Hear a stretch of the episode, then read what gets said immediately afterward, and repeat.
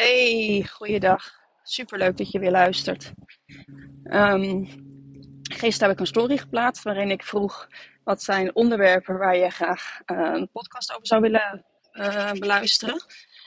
En um, nou, daar zaten wat, wat korte vragen bij waar ik geen hele aflevering over kan maken. Maar ik ben wel van plan om die korte vragen te verzamelen en dan een soort QA eh, podcast te gaan maken. Dus dat komt ook nog wel aan de beurt. Uh, maar wat ik ook een paar keer doorkreeg was um, wat eigenlijk neerkwam op ja, de opmerkingen van anderen. En dat is toch echt wel een heel hekel punt. Ik denk dat ik daar in de voorgaande afleveringen al heel veel over gezegd heb. En uh, ja, toch is dat iets wat, uh, wat een grote rol bij mensen blijft spelen. Dus waarvan ik dacht, nou, misschien moeten we daar toch nog eens een, een aflevering over maken. Dus bij deze. Um, ik heb daar wel verschillende, verschillende ideeën over. Misschien, uh, misschien kan je er iets mee, misschien haal je daar iets uit.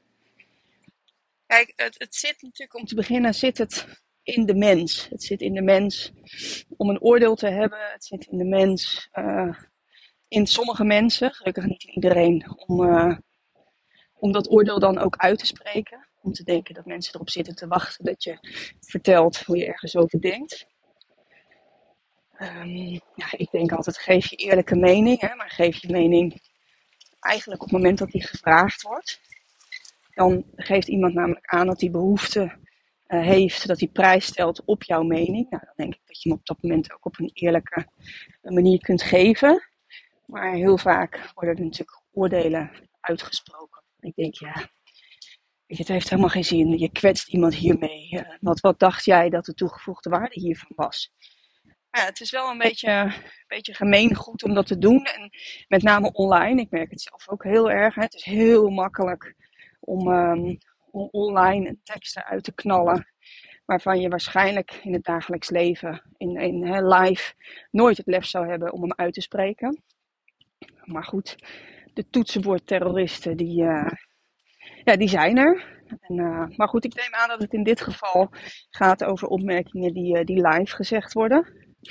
Um, nou, om te beginnen denk ik dat iets kan jou pas raken op het moment dat jij er zelf mee zit. He, stel dat iemand, uh, of dat het voor jou uh, uh, schuurt of de waarheid raakt.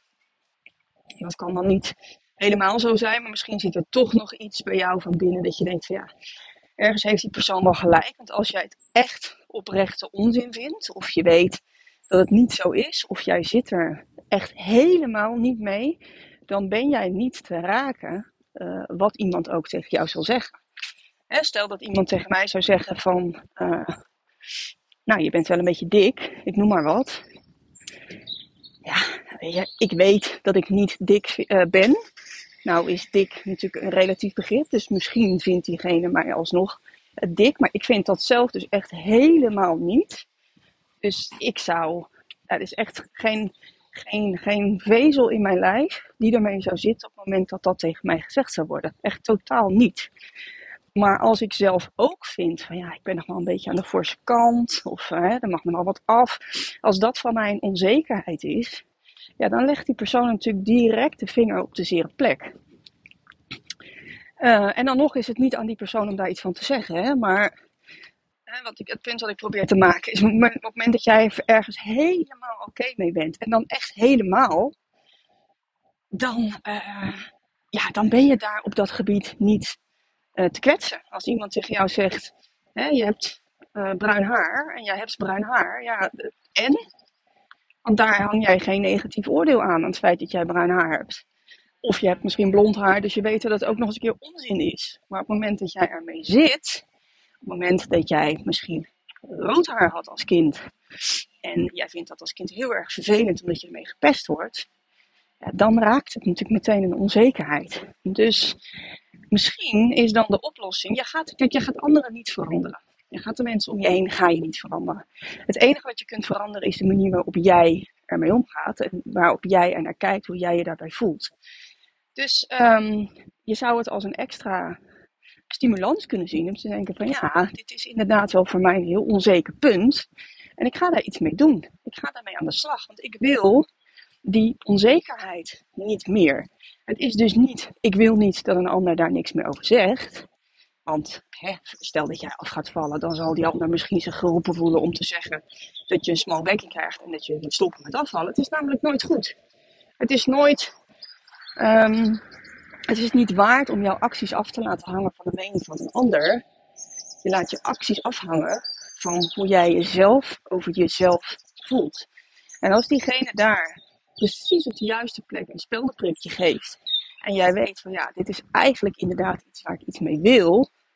Ga daar dan mee aan de slag. En niet omdat je daarmee die persoon um, het gras bij zijn voeten wegmaait om er nog iets van te zeggen. Nee, omdat het voor jou dus blijkbaar een belangrijk punt is.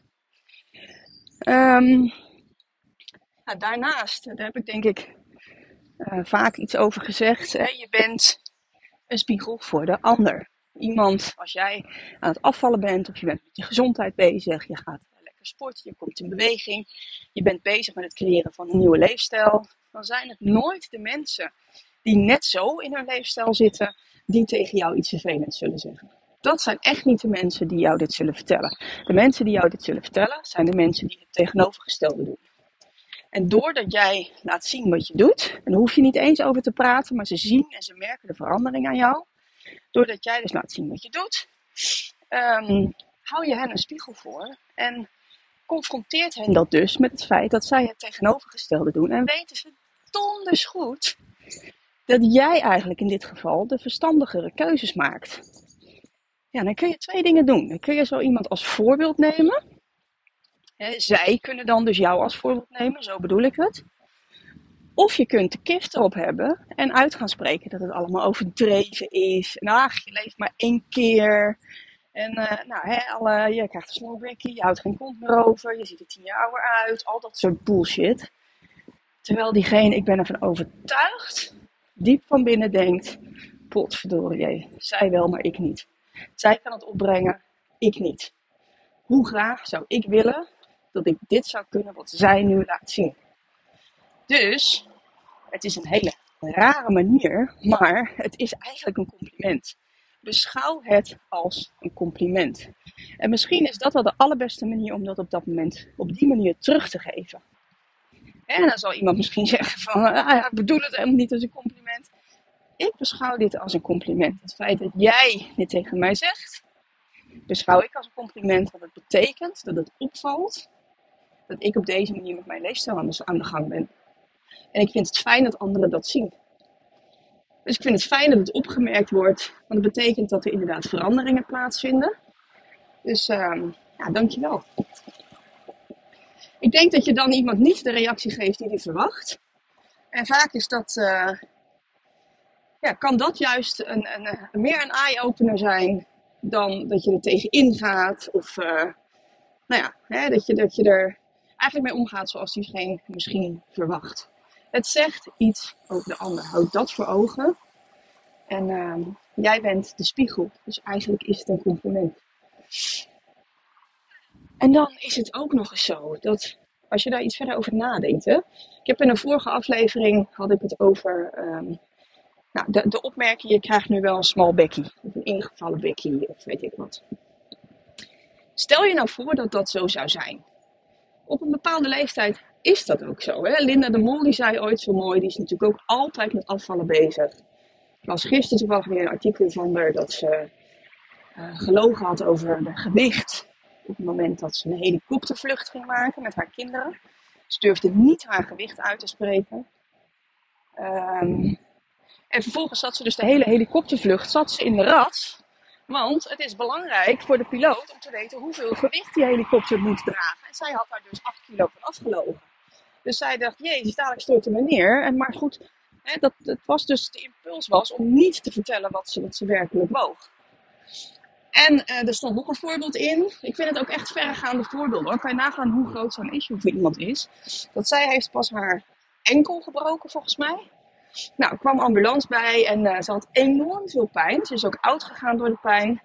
Wilt u iets tegen de pijn? Ja, heel graag. En toen vroeg die ambulancebroeder, um, wat weegt u? Want daar moeten ze natuurlijk de dosering op aanpassen. En zij wilde dus niet vertellen uh, wat ze woog. Terwijl ze op dat moment buiten bewustzijn is geraakt door de pijn. Daarna is weer bijgekomen. Maar zo heftig was de pijn. En zij zei op dat moment, nou het valt eigenlijk wel mee, doe maar een paracetamolletje. Zij wilde dus niet ten overstaan van anderen vertellen wat haar gewicht was. Ja, bizar. Echt, echt bizar. Maar ik begrijp het wel. Ik begrijp het wel. Ik, heb vanochtend toevallig met iemand gesproken waar uh, die, die vrouw die, ja, het is een boegbeeld, het is een voorbeeld voor heel veel vrouwen. Uh, komt regelmatig ook op, uh, op tv. Ik denk dat heel veel mensen naar haar, naar haar opkijken. zij heeft de wereld echt heel erg veel te brengen. En het enige waar zij zich bewust van is, is hoe gaan ze me filmen? Wat trek ik aan? Want als ze me bijvoorbeeld vanaf de zijkant filmen, dan zien ze in dit jurkje of in dit jasje dat ik vetrollen op mijn rug heb. dat is, het is afschuwelijk als je daar zo mee bezig moet zijn. Maar goed, ik uh, wijk nu helemaal af van mijn verhaal. We hadden het over Linda de Mol. Die dus op een gegeven moment zei: op een bepaalde leeftijd moet je kiezen tussen je kop en je kont. Daar heeft zij gelijk in. En dan kunnen we het allemaal mooier maken dan dat het is. Maar um, je kunt nog zo fit oud worden. Je kunt er nog aan eh, zoveel aan doen om zo fit mogelijk oud te worden. Maar de elasticiteit van je huid, die zal afnemen. Ik mag aannemen dat we allemaal ons realiseren dat je huid op je tachtigste er niet meer zo uitziet als op je twintigste. En dat proces kun je niet tegenhouden.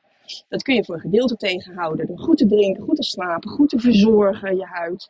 Uh, goed te eten, maar dan nog die elasticiteit neemt af. En zo hoort het ook gewoon te zijn. Dat is gewoon het verouderingsproces dat intreedt. Um, dus ja, vanaf een bepaalde leeftijd, als jij ervoor kiest om je vetpercentage te laten zakken, zul je dat ook in je gezicht gaan zien. En dan is het inderdaad kiezen tussen je kop of je kont. Wat vind je belangrijker? Vind je belangrijker dat je een slank figuur hebt uh, en dan een wat meer ingevallen gezicht? Of vind je het belangrijker dat je gezicht er super mooi uitziet en dan ben je inderdaad wat voller op je lichaam? Wat ik hierop tegen heb overigens, is dat dit alleen maar gaat om het cosmetische. Deze afweging gaat om het cosmetische en zegt dus niets over je gezondheid. Dus zou je dan zeggen: Oké, dan wil ik een minder gezond lichaam, want dan heb ik een wat minder ingevallen gezicht. Nou, dat snap je? Ik denk dat je altijd moet kijken naar wat is het gezondst in plaats van wat ziet er het mooist uit. Anyway, uh, waar had ik het over? Ja, dus stel je nou voor dat jij, dat, dat jij bent hartstikke goed bezig met het aanpassen van je leefstijl. En het gaat helemaal lekker. En je bent je vetpercentage aan het verlagen. Je bent lekker in beweging aan het komen. Aan het slapen en water drinken, stress verminderen. Noem het allemaal op. En dan zou het enige nadelige effect daarvan zijn dat jij een ingevallen bekje uh, hebt. Een wat smaller gezicht en dat je iets meer tekent. En er dan misschien ook wel ietsje ouder uitziet. Weeg dat op tegen alle voordelen die die super gezonde leefstijl jou brengen. Is dat de reden om het dan niet te doen? En wat ik hier zo bizar aan vind, is dat dat dus voor die persoon die dat zegt tegen jou, die dus tegen jou zegt, je moet nu wel stoppen, want je krijgt een ingevallen bekkie. Dat is voor die persoon dus een reden om te stoppen met waar jij mee bezig bent. Nou, als je dat realiseert, dat is toch serieus te idioot voor woorden. Dus een cosmetisch iets is de reden voor die persoon om te zeggen: het is nu wel genoeg. Terwijl je totale gezondheid, je bloedwaardes, je energie, functioneren van je hersenen, uh, noem het op. Je organen, alles gaat beter functioneren. Je scoort op allerlei fronten, scoor je een hoger cijfer dan voorheen. Je hebt veel meer kans om op een gezonde manier oud te worden. Maar dan zegt die persoon, ja, je moet hier wel mee ophouden, want je krijgt een ingevallen bekje. Nou, echt, sorry. En hè, ik, dat heb je me waarschijnlijk ook vaak horen zeggen. Ik denk dat die mensen zich niet eens bewust zijn van wat ze tegen je zeggen. En die mensen kun je ook niet veranderen. Je kunt ze dit wel vragen, hè? Van, goh, vind je serieus, nu ik zo ongelooflijk goed bezig ben, dat het hebben van een wat magerder gezicht, dat dat een reden zou zijn om hiermee te stoppen? Vind je dat echt? En som dan eens op wat het je allemaal brengt. En vraag diegene aan het eind van het verhaal alsnog: vind je, echt, vind je echt dat dit tegen elkaar opweegt? Vind je echt dat dit de reden zou zijn om hiermee te stoppen? Nou, je hoeft het ook niet te doen. Maar waar deze podcastaflevering over gaat, is hoe om ervoor te zorgen dat het jou minder raakt. En als die persoon dat dus tegen jou zegt, en jij realiseert je op dat moment, ja jongen, ja, nou, dan val ik inderdaad in mijn gezicht val ik iets meer in. Of ik heb misschien uh, iets minder kont. Of uh, ja, mijn borstmaat is inderdaad twee cup verminderd. Uh, omdat dat nou eenmaal veel vetmassa is. En ik ben nu mijn vetpercentage aan het verlagen. Maar dan nog, het weegt niet op tegen al het andere dat het me brengt. Weet je, kijk naar. Um, denk na over wat die persoon tegen je zegt en hoe oppervlakkig dat eigenlijk is. Weet je, jij laat je dus echt van je stuk brengen door een onwijs oppervlakkige opmerking die puur gericht is op het cosmetische aspect en dan gaat volledig voorbij aan, uh, aan alle gezondheidsvoordelen. En dan kun jij je toch niet door zo'n opmerking volledig van je stuk laten brengen. Dat kan toch niet zo zijn? Dat is het echt niet waard. Nou, en dan heb je natuurlijk ook nog mensen, dat zijn gewoon de pestkoppen, zeg maar, die, uh, die hebben iets te melden over iets waar jij überhaupt helemaal niks aan kan doen. Nou ja, weet je, dat zijn mensen, die hebben ze niet alle 24 in een kratje. En hoezo maak jij je druk over de opmerkingen van mensen die ze niet alle 24 in een kratje hebben? Dan ga je toch serieus niet doen. Weet je, die mensen zie je niet voor vol aan. Dus dan denk je toch gewoon, ja, weet je, uh, een opmerking door een idioot, daar kan ik überhaupt niks mee. Dus laat dat ook weer afketsen. Het is, zie een, een compliment en negatieve kritiek als een cadeautje. Iemand reikt, reikt het jou aan, maar je bent nooit verplicht om het aan te nemen. Laat het, op het moment dat het een, een oprecht compliment is, accepteer het. Ga het ook niet verkleinen. Hè? Ga niet zeggen, oh ja, maar ja, hè, god, heb je een leuke blouse aan? Ja, maar was mijn tientje bij de H&M? Nee, die persoon die doet dat om jou oprecht een fijn gevoel te willen geven, omdat hij die blouse mooi vindt. Accepteer het. Goh, dankjewel, wat leuk dat je dat zegt. Omarm het en accepteer het, maar tegelijkertijd het tegenovergestelde. Dus iemand een kutopmerking maakt, laat het bij diegene. Laat het bij diegene, je hebt het gehoord. Je kunt erover nadenken, maar goh, wat zit hier achter dat die persoon dat zegt? En op het moment dat jij het interessant vindt om te gaan ontfutselen wat er bij die persoon achter zit, ik vind dat altijd heel interessant, dan uh, ga je ermee bezig, maar dan laat je het bij die persoon. En vind je het helemaal niet interessant om dat te ontfutselen, omdat je denkt, nou die persoon die spoort niet helemaal, die heeft ze niet allemaal op een rijtje. En daar ga je natuurlijk helemaal überhaupt niet over nadenken.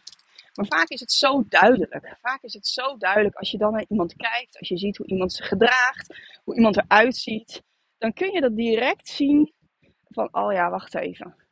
Ik kan me voorstellen, je weet het natuurlijk niet zeker, maar als je dan tegen jezelf zegt, ik kan me voorstellen dat dit om die en die reden bij die persoon vandaan komt. En daarmee laat ik het bij die ander.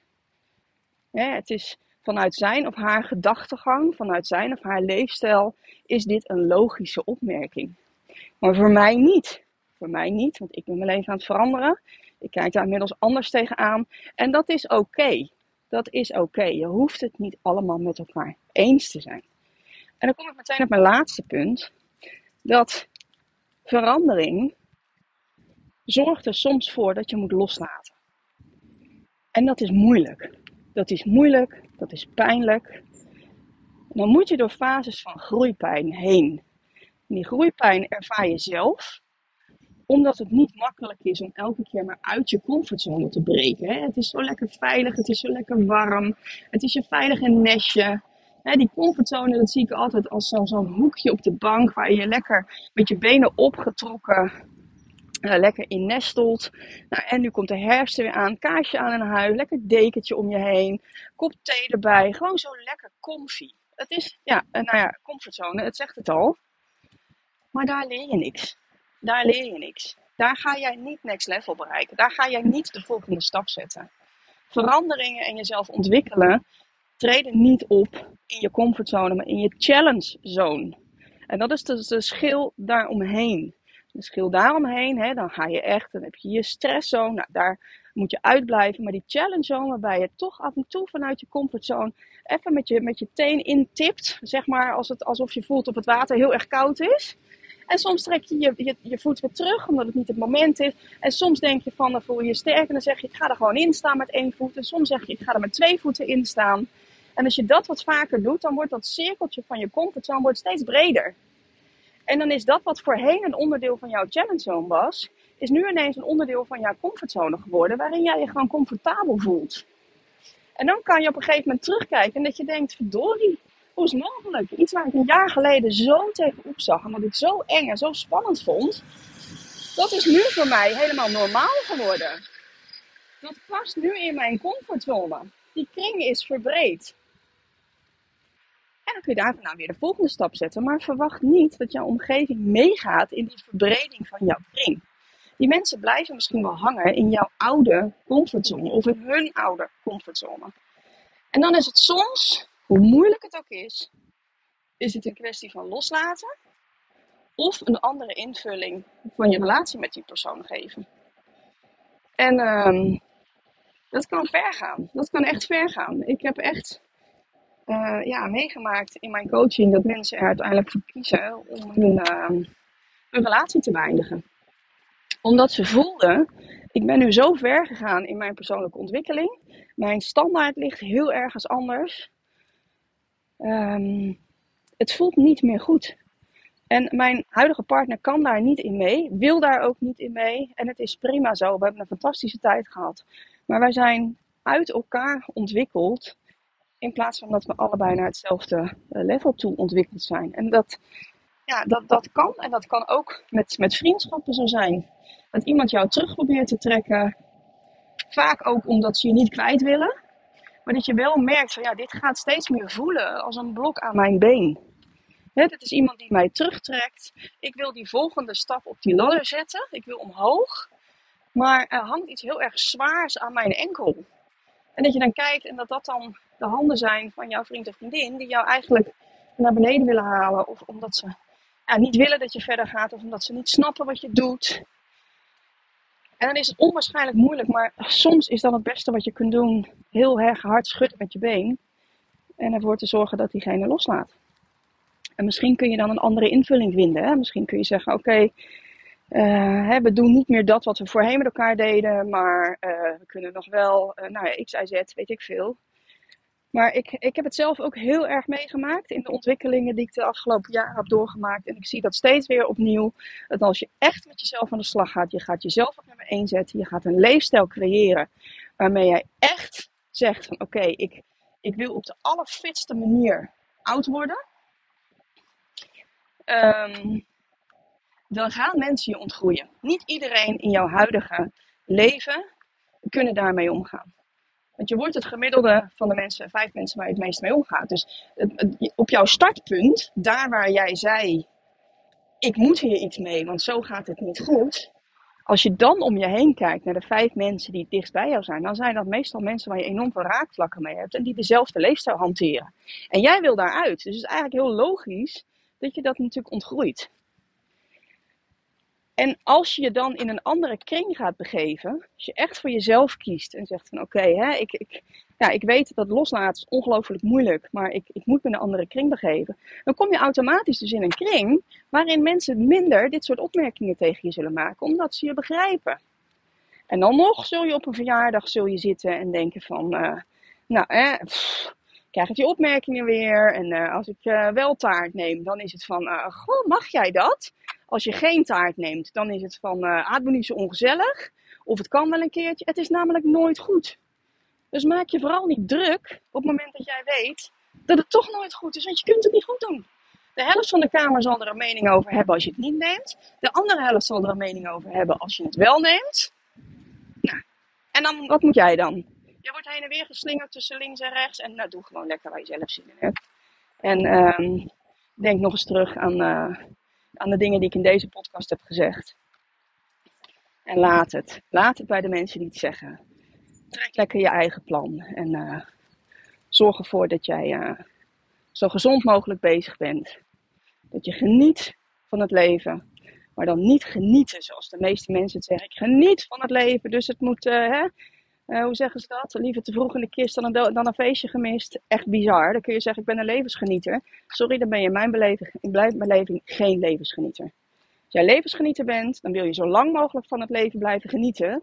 En dan zeg je niet, ik doe echt mijn stinkende best om dat leven waar ik zo van geniet, zo vroeg mogelijk te beëindigen. Dan ben je geen levensgenieter. Dan ben je langzaam zelfmoord aan het plegen. Dus weet je, dat soort mensen die dat soort opmerkingen tegen je zeggen, laat het. Laat het alsjeblieft. Nou, um, volgende keer. Uh, nou, nee, weet ik eigenlijk niet of dat volgende keer al is dat ik dan de korte vragen ga beantwoorden. Ik denk dat ik dat de komende weken even af en toe erin gooi. Dat ik ze dan verzamel en dan in één keer een QA-podcast maak. Dus dat zal denk ik niet volgende keer zijn. En uh, geen idee waar ik het volgende keer over ga hebben. Het is altijd maar net wat er op mijn pad komt. En dan uh, denk ik, nou, dan ga ik even lekker tegen jou uh, aantetteren. Nou, ik wens jou een hele fijne dag. Wat je ook gaat doen vandaag. Of als je het s'avonds luistert, dan maak er een goede nacht van. Wel rusten. En tot in de volgende. Doei doei.